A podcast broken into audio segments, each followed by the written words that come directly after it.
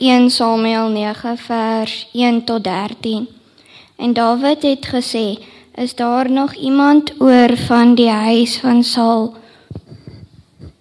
dat ek aan hom guns kan bewys ter wille van Jonathan?" En die huis van Saul het 'n dienaar gehad met die naam van Siba en hulle het hom na Dawid geroep en die koning het hom gevra is jy Siba? Toe antwoord hy, "U dienaar." En die koning vra, "Is daar nie nog iemand van die huis van Saul dat ek die guns van God aan hom kan bewys nie?" Toe sê Siba aan die koning, "Daar is nog 'n seun van Jonathan wat lam is aan al twee voete." En die koning vra hom, "Waar is hy?" Toe sê Siba aan die koning, "Kyk, hy is in die huis van Mag Magier die seun van Amiel in Lodebar. Daarop het koning Dawid gestuur en hom laat haal uit die huis van Michar, die seun van Amiel uit Lodebar. Toe Mefiboset, die seun van Jonathan, die seun van Saul, by Dawid inkom, het hy op sy aangesig geval en hom neergebuig. En Dawid het gesê: "Mefiboset." En hy het geantwoord: "Hier is u dienaar." En Dawid sê vir hom: "Wees nie bevrees nie, want ek sal jou sekerlik guns bewys ter wille van jou vader, Jonathan en al die grond van jou vader sal aan jou teruggegee en jouself sal altyd deur aan my tafel brood eet. Toe buig hy en sê: "Wat is u dienaar dat u na u dooie hond soos ek is omgesien het?" En die koning het Siba die dienaar van Saul geroep en vir hom gesê: "Alles wat Saul en sy hele huis gehad het, gee ek aan die seun van jou Heer en jy moet vir hom die grond bewerk jy en jou seun en jou slawe en jy moet voedsel inbring dat die seun van jou Heer brood eet om te eet maar Mefiboset die seun van jou Heer sal altyd deur aan my tafel brood eet En Siba het 15 seuns en 20 slawe gehad.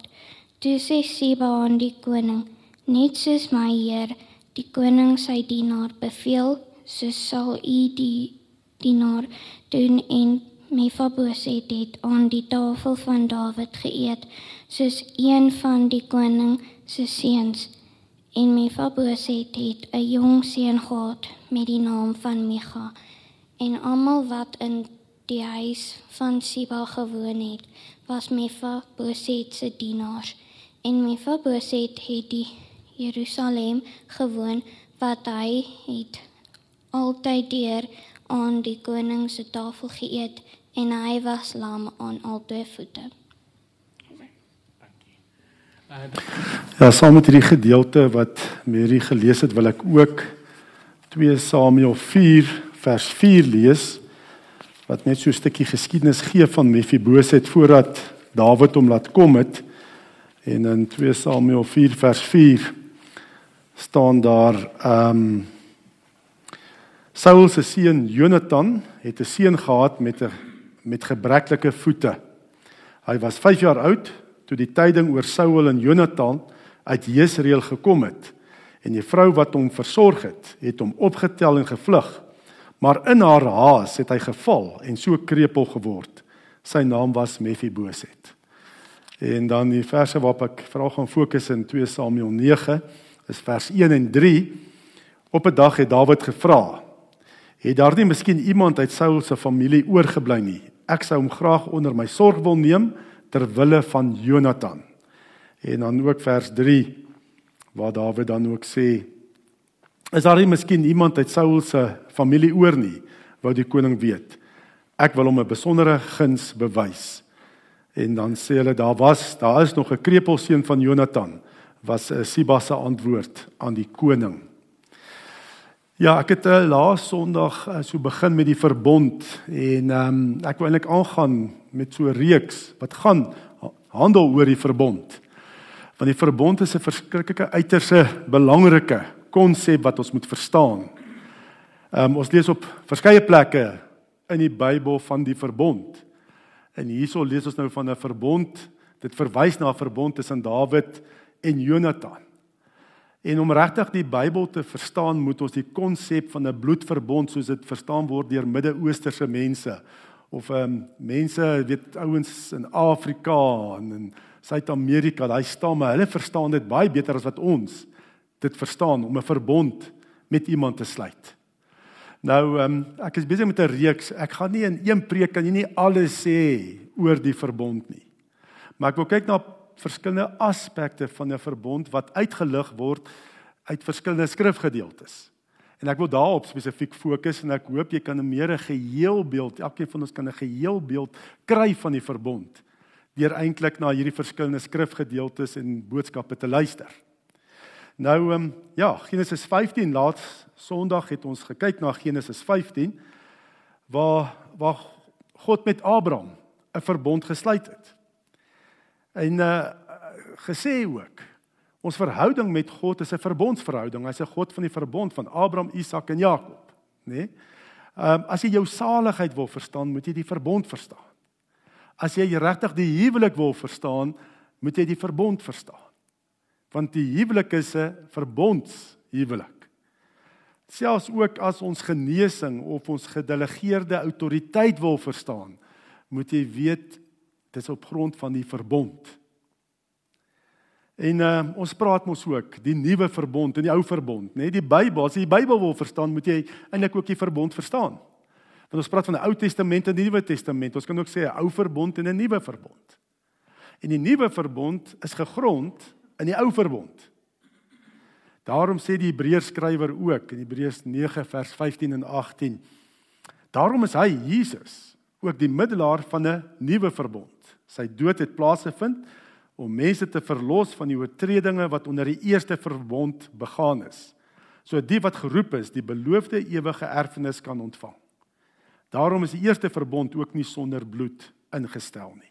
Net die bloedverbond wat ehm um, deur ja, mense in Afrika en Midde-Ooste en so ek sê Suid-Amerika, die Indiaanse stamme beter verstaan as wat ons verstaan. En ons het gesê ook 'n verbond is 'n een eensydige, onvoorwaardelike, onherroepelike, onverbreekbare verbintenis voor die Here en is geldig tot die dood en dit selfs tot in opeenvolgende geslagte. So verbond is ook nie net geldig tussen die mense wat die verbond sluit nie, maar dit geld ook vir die nageslag.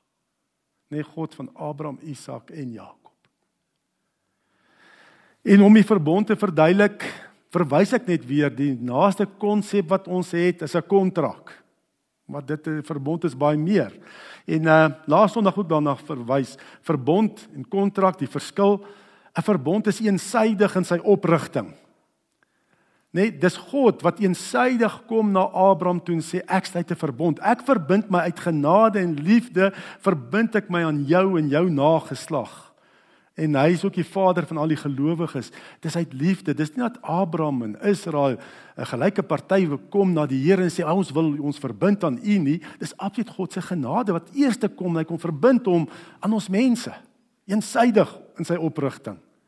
Waar 'n kontrak is gewoonlik twee partye wat ooreenkom met mekaar. Maar God het absoluut uit genade en liefde hom kom verbind aan ons mense. Nie dat God ons nodig het nie, dis omdat hy ons liefhet. Soveel genadig is. Dis 'n onvoor verbond is onvoorwaardelik, 'n kontrak is voorwaardelik. Onherroepelik 'n verbond. 'n Kontrak is herroepelik.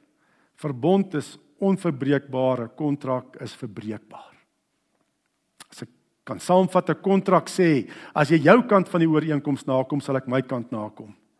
En 'n verbond sê jy, ek sal my woord hou en doen wat ek beloof het, ondanks jy jou woord hou of nie.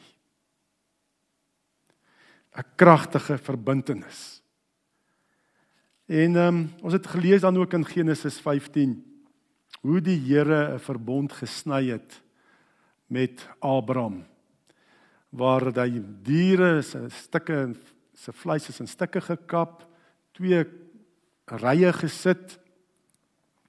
En die Here het dan ook die verbond bekragtig met die bloed van hierdie diere. En wat die wonderlike is van daai verbondsluiting soos ek gesê het, gewoonlik is dit die swakker party wat tussen die stukke vleis moet deurgaan en kan sien wat met jou gaan gebeur as jy die verbond verbreek. Gaan jy ook so in stukke gekap word soos wat hierdie diere in stukke gekap is? Maar wat doen die Here? Dis gewoonlik die swakker party wat moet deurgaan of albei partye wat moet deurgaan, maar net God gaan deur daai stukke vleis deur. Nê? Nee? En God sê eintlik daardeur Ek het my verbond, ek verbind my, ek het jou liewer as my eie lewe. Ek weet Abraham, jy en jou nageslag sal nie die verbondseise sal nakom nie. En as mense 'n verbond verbreek, gaan dit met jou gebeur, jy gaan opgekap word. En ek weet jy en jou nageslag sal dit kan doen nie en daarom neem ek dit op my. Ek sal in jou plek en jou en jou nageslag se plek al daai verbondsverbreeking, die straf daarop sal ek op my vat. En ek sal daarvoor betaal en ek hou my verbond in stand met jou. Nee, en dis dan ook wat gebeur het. Die Here ag sy verbond hoër as sy eie lewe. En daarom het Jesus Christus aan die kruis gesterf. En is hy sy liggaam gebreek ter wille van ek en jy se verbondsverbreeking. Maar ons die Here ons kant nie nagekom het nie. Die Here het die straf op homself gevat. Ja, 'n nuwe verbond. Dan rig 'n nuwe verbond op met ons deur sy bloed, deur die bloed van Jesus. Nê? Nee, wat onherroepelik, onvoorwaardelik is. En 'n klomp verbondsbeloftes wat vir ons waar is. Nê, nee, in Jesus Christus. En waar lees ons van daai verbondsbeloftes? In die Bybel. Die Bybel is waar, is God se testament vir jou en my. Die Hebreërskrywer sê mos ook 'n testament geld net eers nadat die testamenteer die wat opgestel het dood is en Jesus het gesterf. En daarom die beloftes van God in hierdie Bybel nes waar vir ek en jy. Op grond van Christus dat hy vir ons gesterf het aan die kruis. Hierdie is waar. Al hierdie beloftes in hierdie boek is waar vir jou en my in Christus. En ehm um, maar nou en dit is waar op vanoggend se boodskap wil fokus. En dit is 'n verbond waarvan jy nie weet of verstaan nie, kan jou nie help nie. As jy nie weet van die verbond nie, as jy dit nie verstaan nie, dan kan dit jou nie help nie. En dis wat gebeur het met Mefiboset. Nê, nee, wat ons nou gelees het en wat Mary vir ons gelees het hierso in 2 Samuel 9. Mephibosheth was heeltemal onbewus van die verbond wat daar bestaan het tussen Dawid en sy pa Jonathan. Hy het nie daarvan geweet nie. Nee, en um, ons lees van hierdie verbond wat gesluit is deur tussen Dawid en Jonathan. 1 Samuel 18 vers 3 en 4. Jonathan en Dawid het 'n verbond gesluit omdat Jonathan hom liefgekry het soos homself. Jonathan het die mantel wat hy aangetree het uitgetrek en dit vir Dawid gegee. Ook sy uitrusting, sy swaard, sy boog en sy gordel.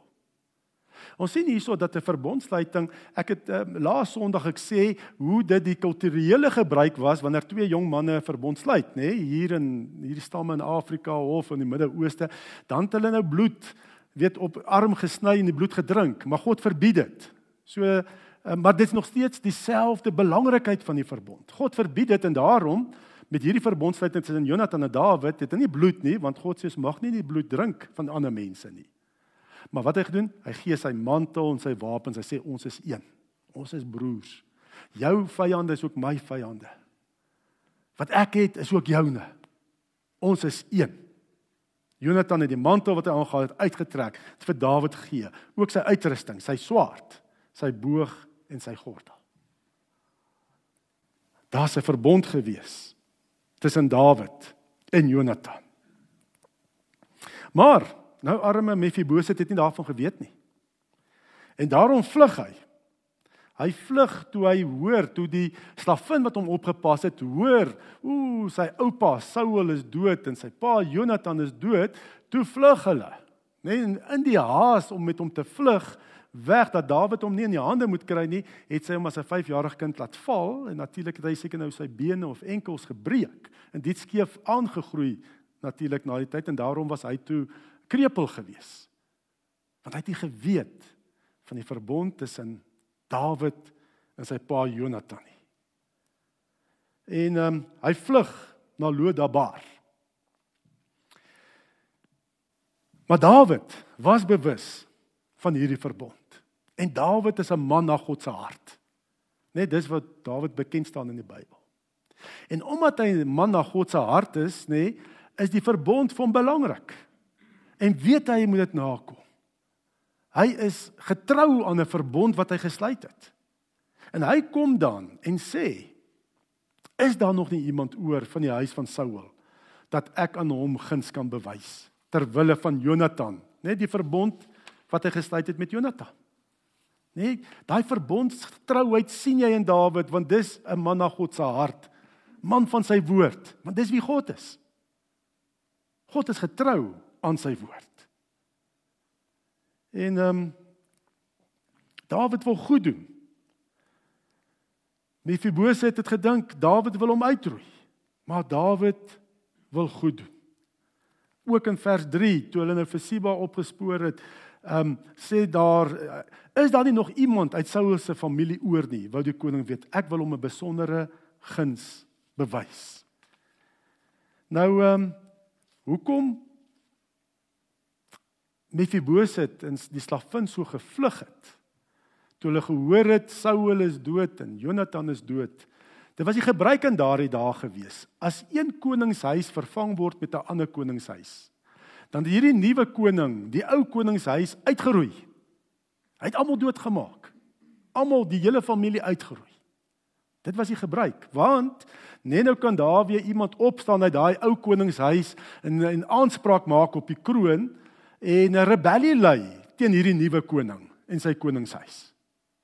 En daarom het hulle gewoonlik die ou koningshuis uitgeroei. Maar Dawid, man na God se hart, is so anders die verbond. Dis die belangrike ding. Want dis wie God is. Hy's 'n verbondsgod. En Dawid vra twee keer ek sê ek wil guns bewys, besondere guns bewys. En die Hebreëse woord vir guns is geset, geset. Geset. Beteken letterlik 'n liefdevolle en goedgunstige dade in ooreenstemming met die beloftes afgelê. Dis om liefdevol goeie dinge te doen wat in ooreenstemming is met jou woord, die beloftes wat jy afgelê het. En dis wat Dawid wil doen. Maar nou dink mense net hy wil absoluut net vir Mephiboset seën. Dis sy hart. Hy wil alles wat hy vir sy pa gesê het, wil hy sê, maar hoor hierso, uh, Mephiboset, jy is deel van my. En daar het hom ook ingevat in die koningshuis. Hy het in die paleis geleef soos 'n prins. Nê? Nee? Want hy moes sy pa gesê, "So jou familie is ook my familie. Ons is nou een." En dis wat hy met Dawid met met Mephiboset doen. Maar dink net, Mephiboset, hoeveel jaar het hy daar in ballingskap geleef? Alles verniet. Vanweë die onkunde oor die verbond wat daar bestaan het tussen Dawid en sy pa. Hy hoef nie te gevlug het nie, maar hy het gevlug. Hy het geval.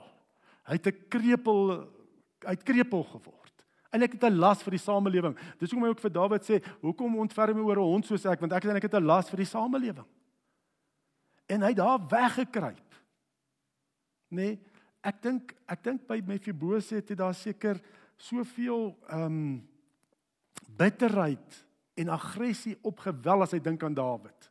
Ek dink hy het eintlik Dawid kwaadlik geneem terwyl hy daar in Lodabar was. As dit nie vir Dawid was nie, sou hy nie krepeel gewees het nie. Sou in die paleis gebly het.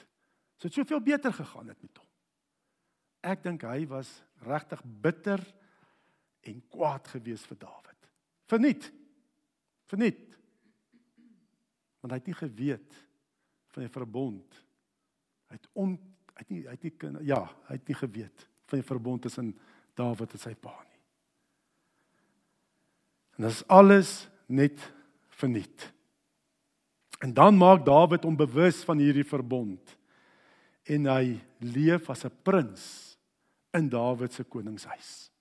Hy's deel van Dawid se koningshuis en hy erf alles wat sy oupa Saul besit het. Hy kry dit alles terug.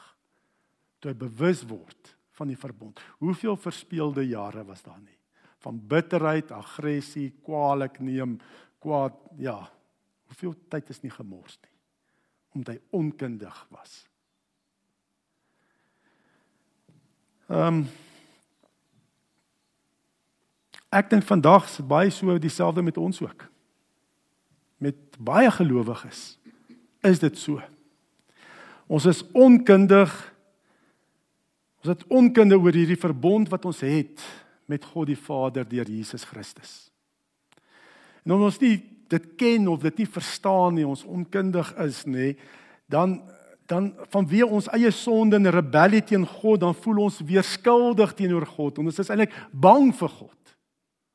Nee, ons voel eintlik baie keer, Here, ek is so sondaar en ek is bang en ek was soveel keer in rebellie teen U, nê? En na hardop ons eintlik weg van die Here af. Ook daar na Lodabar, ons het daar in ballingskap. En ons wil maar net oorleef soos wat Mephibosheth ook maar net wou oorleef het in daai tyd toe hy nie geweet het van die verbond nie. Ons wil maar net oorleef en ons dink God die Vader verdra ons maar net ter wille van sy seun Jesus Christus. Hy's eintlik kwaad vir ons. Dis 'n God wat kwaad is. Hy wil jou net straf. Maar gelukkig is daar Jesus en hy verdra my maar net ter wille van Jesus.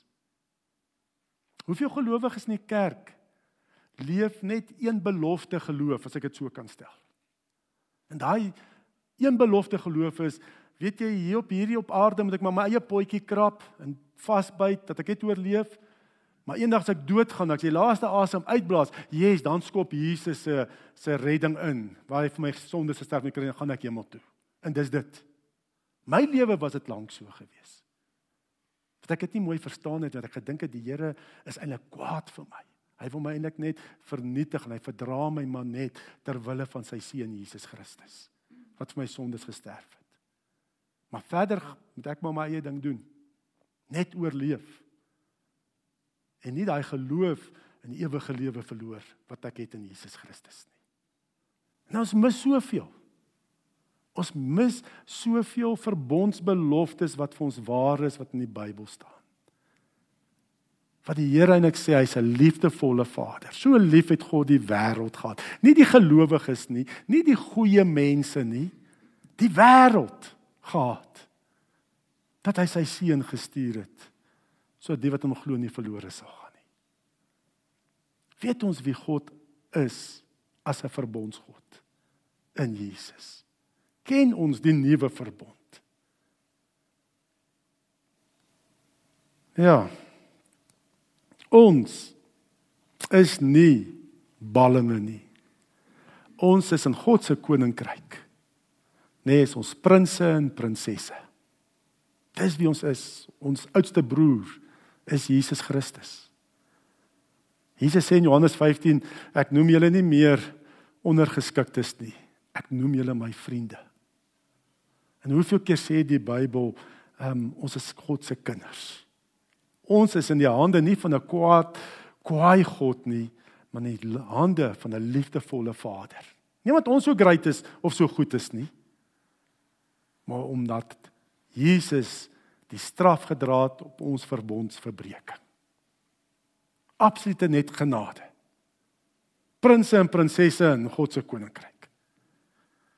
En ek wil dit probeer ook nog verder duidelik maak met hierdie voorbeeld. Ek lees van 'n Skotsman, ja, hoe daar in Skotland, hy hy het sy droom was gewees om na Amerika te gaan om sy fortuin daar te gaan soek. Dit was sy droom en hy het gespaar vir 'n paar jaar gespaar. Ehm um, en al sy besittings verkoop in Skotland tot hy genoeg geld het om te betaal vir 'n kaartjie op 'n boot om te reis per boot na Amerika. En hy het ehm um, omdat hy nou nie ekstra geld het nie, het hy toe gaan droë vleis en beskuit en kaas gekoop en in 'n groot koffer gesit. Dat hy dan net kan oorleef, die bootreis kan oorleef om in Amerika te kom, want dit vat maar 'n paar dae. Nie daai tyd hoe lank het dit gevat nie. En hy het hierdie koffer gehad met hierdie baie beskuit en droë vleis en kaas in die boot geklim. Opgewonde oor wat wag in Amerika. Opgewonde daaroor. En ja, soos hy deurgaan en elke dag gaan stap hy verby, dan kyk hy so deur die vensters na al daai verskillende restaurante wat op die boot is. En hy sê hy sien hoe daai passasiers, goed geklede passasiers gaan aansit aan daai tafels en sewe gang maaltye geniet.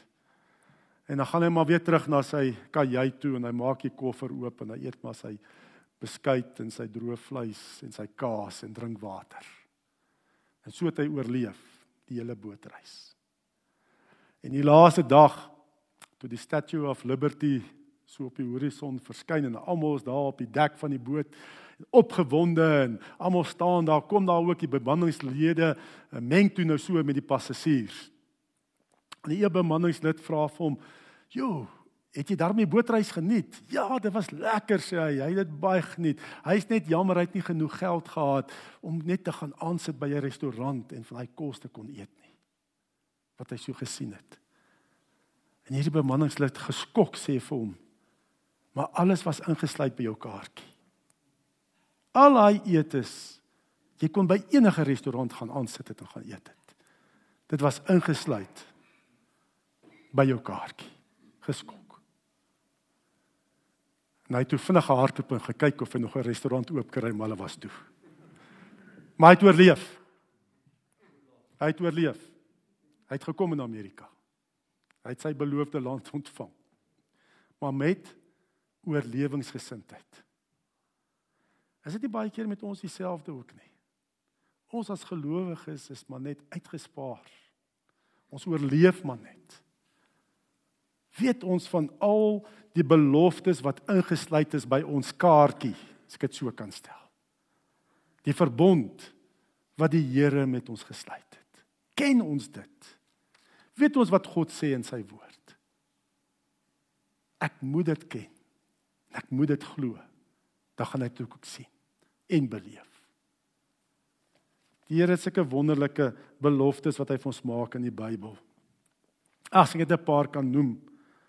Dit gaan hier oor materiële goed, né? Nee, ons dink baie keer o, ek kan nooit vir die Here vra oor materiële goed nie. Jesus sê in Matteus se bergpredikasie, Matteus 7 vers 7 tot 11: Bid en vir julle sal gegee word, soek en julle sal vind klop en vir julle sal oopgemaak word want elkeen wat bid ontvang en hy wat soek vind en vir hom wat klop sal oopgemaak word. Of watter mens is daar onder julle wat as hy seun om 'n brood vra en hom 'n klip sal gee en as hy vis vra en hom 'n slang sal gee? As julle wat sleg is dan weet om goeie gawes aan julle kinders te gee. Hoeveel te meer sal julle Vader in die hemel is goeie dinge gee aan die wat hom bid. Net dis 'n belofte wat die Here maak. Dis nie prosperity gospel nie. Die Here praat hier van materiële goed. Nee, brood en vis. Hy sal gee. Bid, vra, klop, ek sal antwoord, ek sal oopmaak, ek sal gee. Ek sal goeie goeders vir jou gee. Dis ingesluit by die verbond. Maar ons moet dit ken. Anders is ons soos Mefibose daar, nê, nee, in Lodabar. Ons elkeen ons eie Lodabar. Waar ons net probeer oorleef. En ook Jesus wat kom Nee, mens mens beleef so regtig dat die grendeltyd en die Covid kan jy sien vat aan mense geestelik. Ons is uitgeput. Ons bekommerd. Kom die Here en sê vir ons Jesus sê kom na my toe. Almal wat vermoeid en belas is. En ek sal julle rus gee. Neem my juk op julle en leer van my, want ek is sagmoedig en nederig van hart. En julle sal rus vind vir julle siele want my juk is sag en my las is lig. Kom ons leer by die Here. Kom ons plaas al ons sorges in sy hande. Ons neem sy juk op. Sy las en leer by hom. En mag die Here ons ook verder leer oor sy verbond ook vorentoe. Volgende Sondag dat ons net meer en meer sal verstaan die diepe innige verhouding wat die Here met elkeen van ons het. Wat hy gesluit het met ons. Moenie 'n gees van Mefiboset hê wat onkundig is. Want dit is eintlik wat ek baie keer ervaar in my eie lewe, maar ook oor die algemeen in die kerk. Daar's 'n oppervlakkigheid. Daar word nie regtig verstaan wat God se verhouding met ons is en wat hy 'n verbondsverhouding is. Kom ons leer by die Here, kom ons vra sy leiding. Here, ons kom en sê dankie, Here. Dankie vir u verbond met ons, die nuwe verbond in Jesus. En ons is ook hier reisigers hier op aarde, pad na ons hemelse tuiste. En daar's soveel dinge ingesluit, Here. Soveel beloftes wat U maak. Die hele Bybel praat van U beloftes aan U kinders. En Here, ons kom ook vanoggend en sê Here, kom leer ons. Ons neem U juk op, Here Jesus, U las. En is lig en is sag. En ons wil leer. Here, Heilige Gees, kom leer ons U volle waarheid vir ons lewens. Dat elkeen van ons ook uit ons lodebar sal kom en dat ons soos prinses en prinsesse in die koninkryk sal lewe hier op aarde. Here dat ons ons volle verlossingspotensiaal sal bereik hierdie kant van die graf. Dat U kragtig in en deur ons werk. Dat ons hoop sal bring, oorwinning sal bring. Dat ons nie meer hierdie verdere oorlewingsmentaliteit sal hê nie, maar dat ons 'n oorwinningsmentaliteit sal hê die oorwinning in Jesus Christus. Nie omdat ons so goed is nie, dis alles net in Jesus. Dankie Here. Ons bid dit alleen. Alles bid ons alleen in Jesus Christus se kosbare naam. Amen.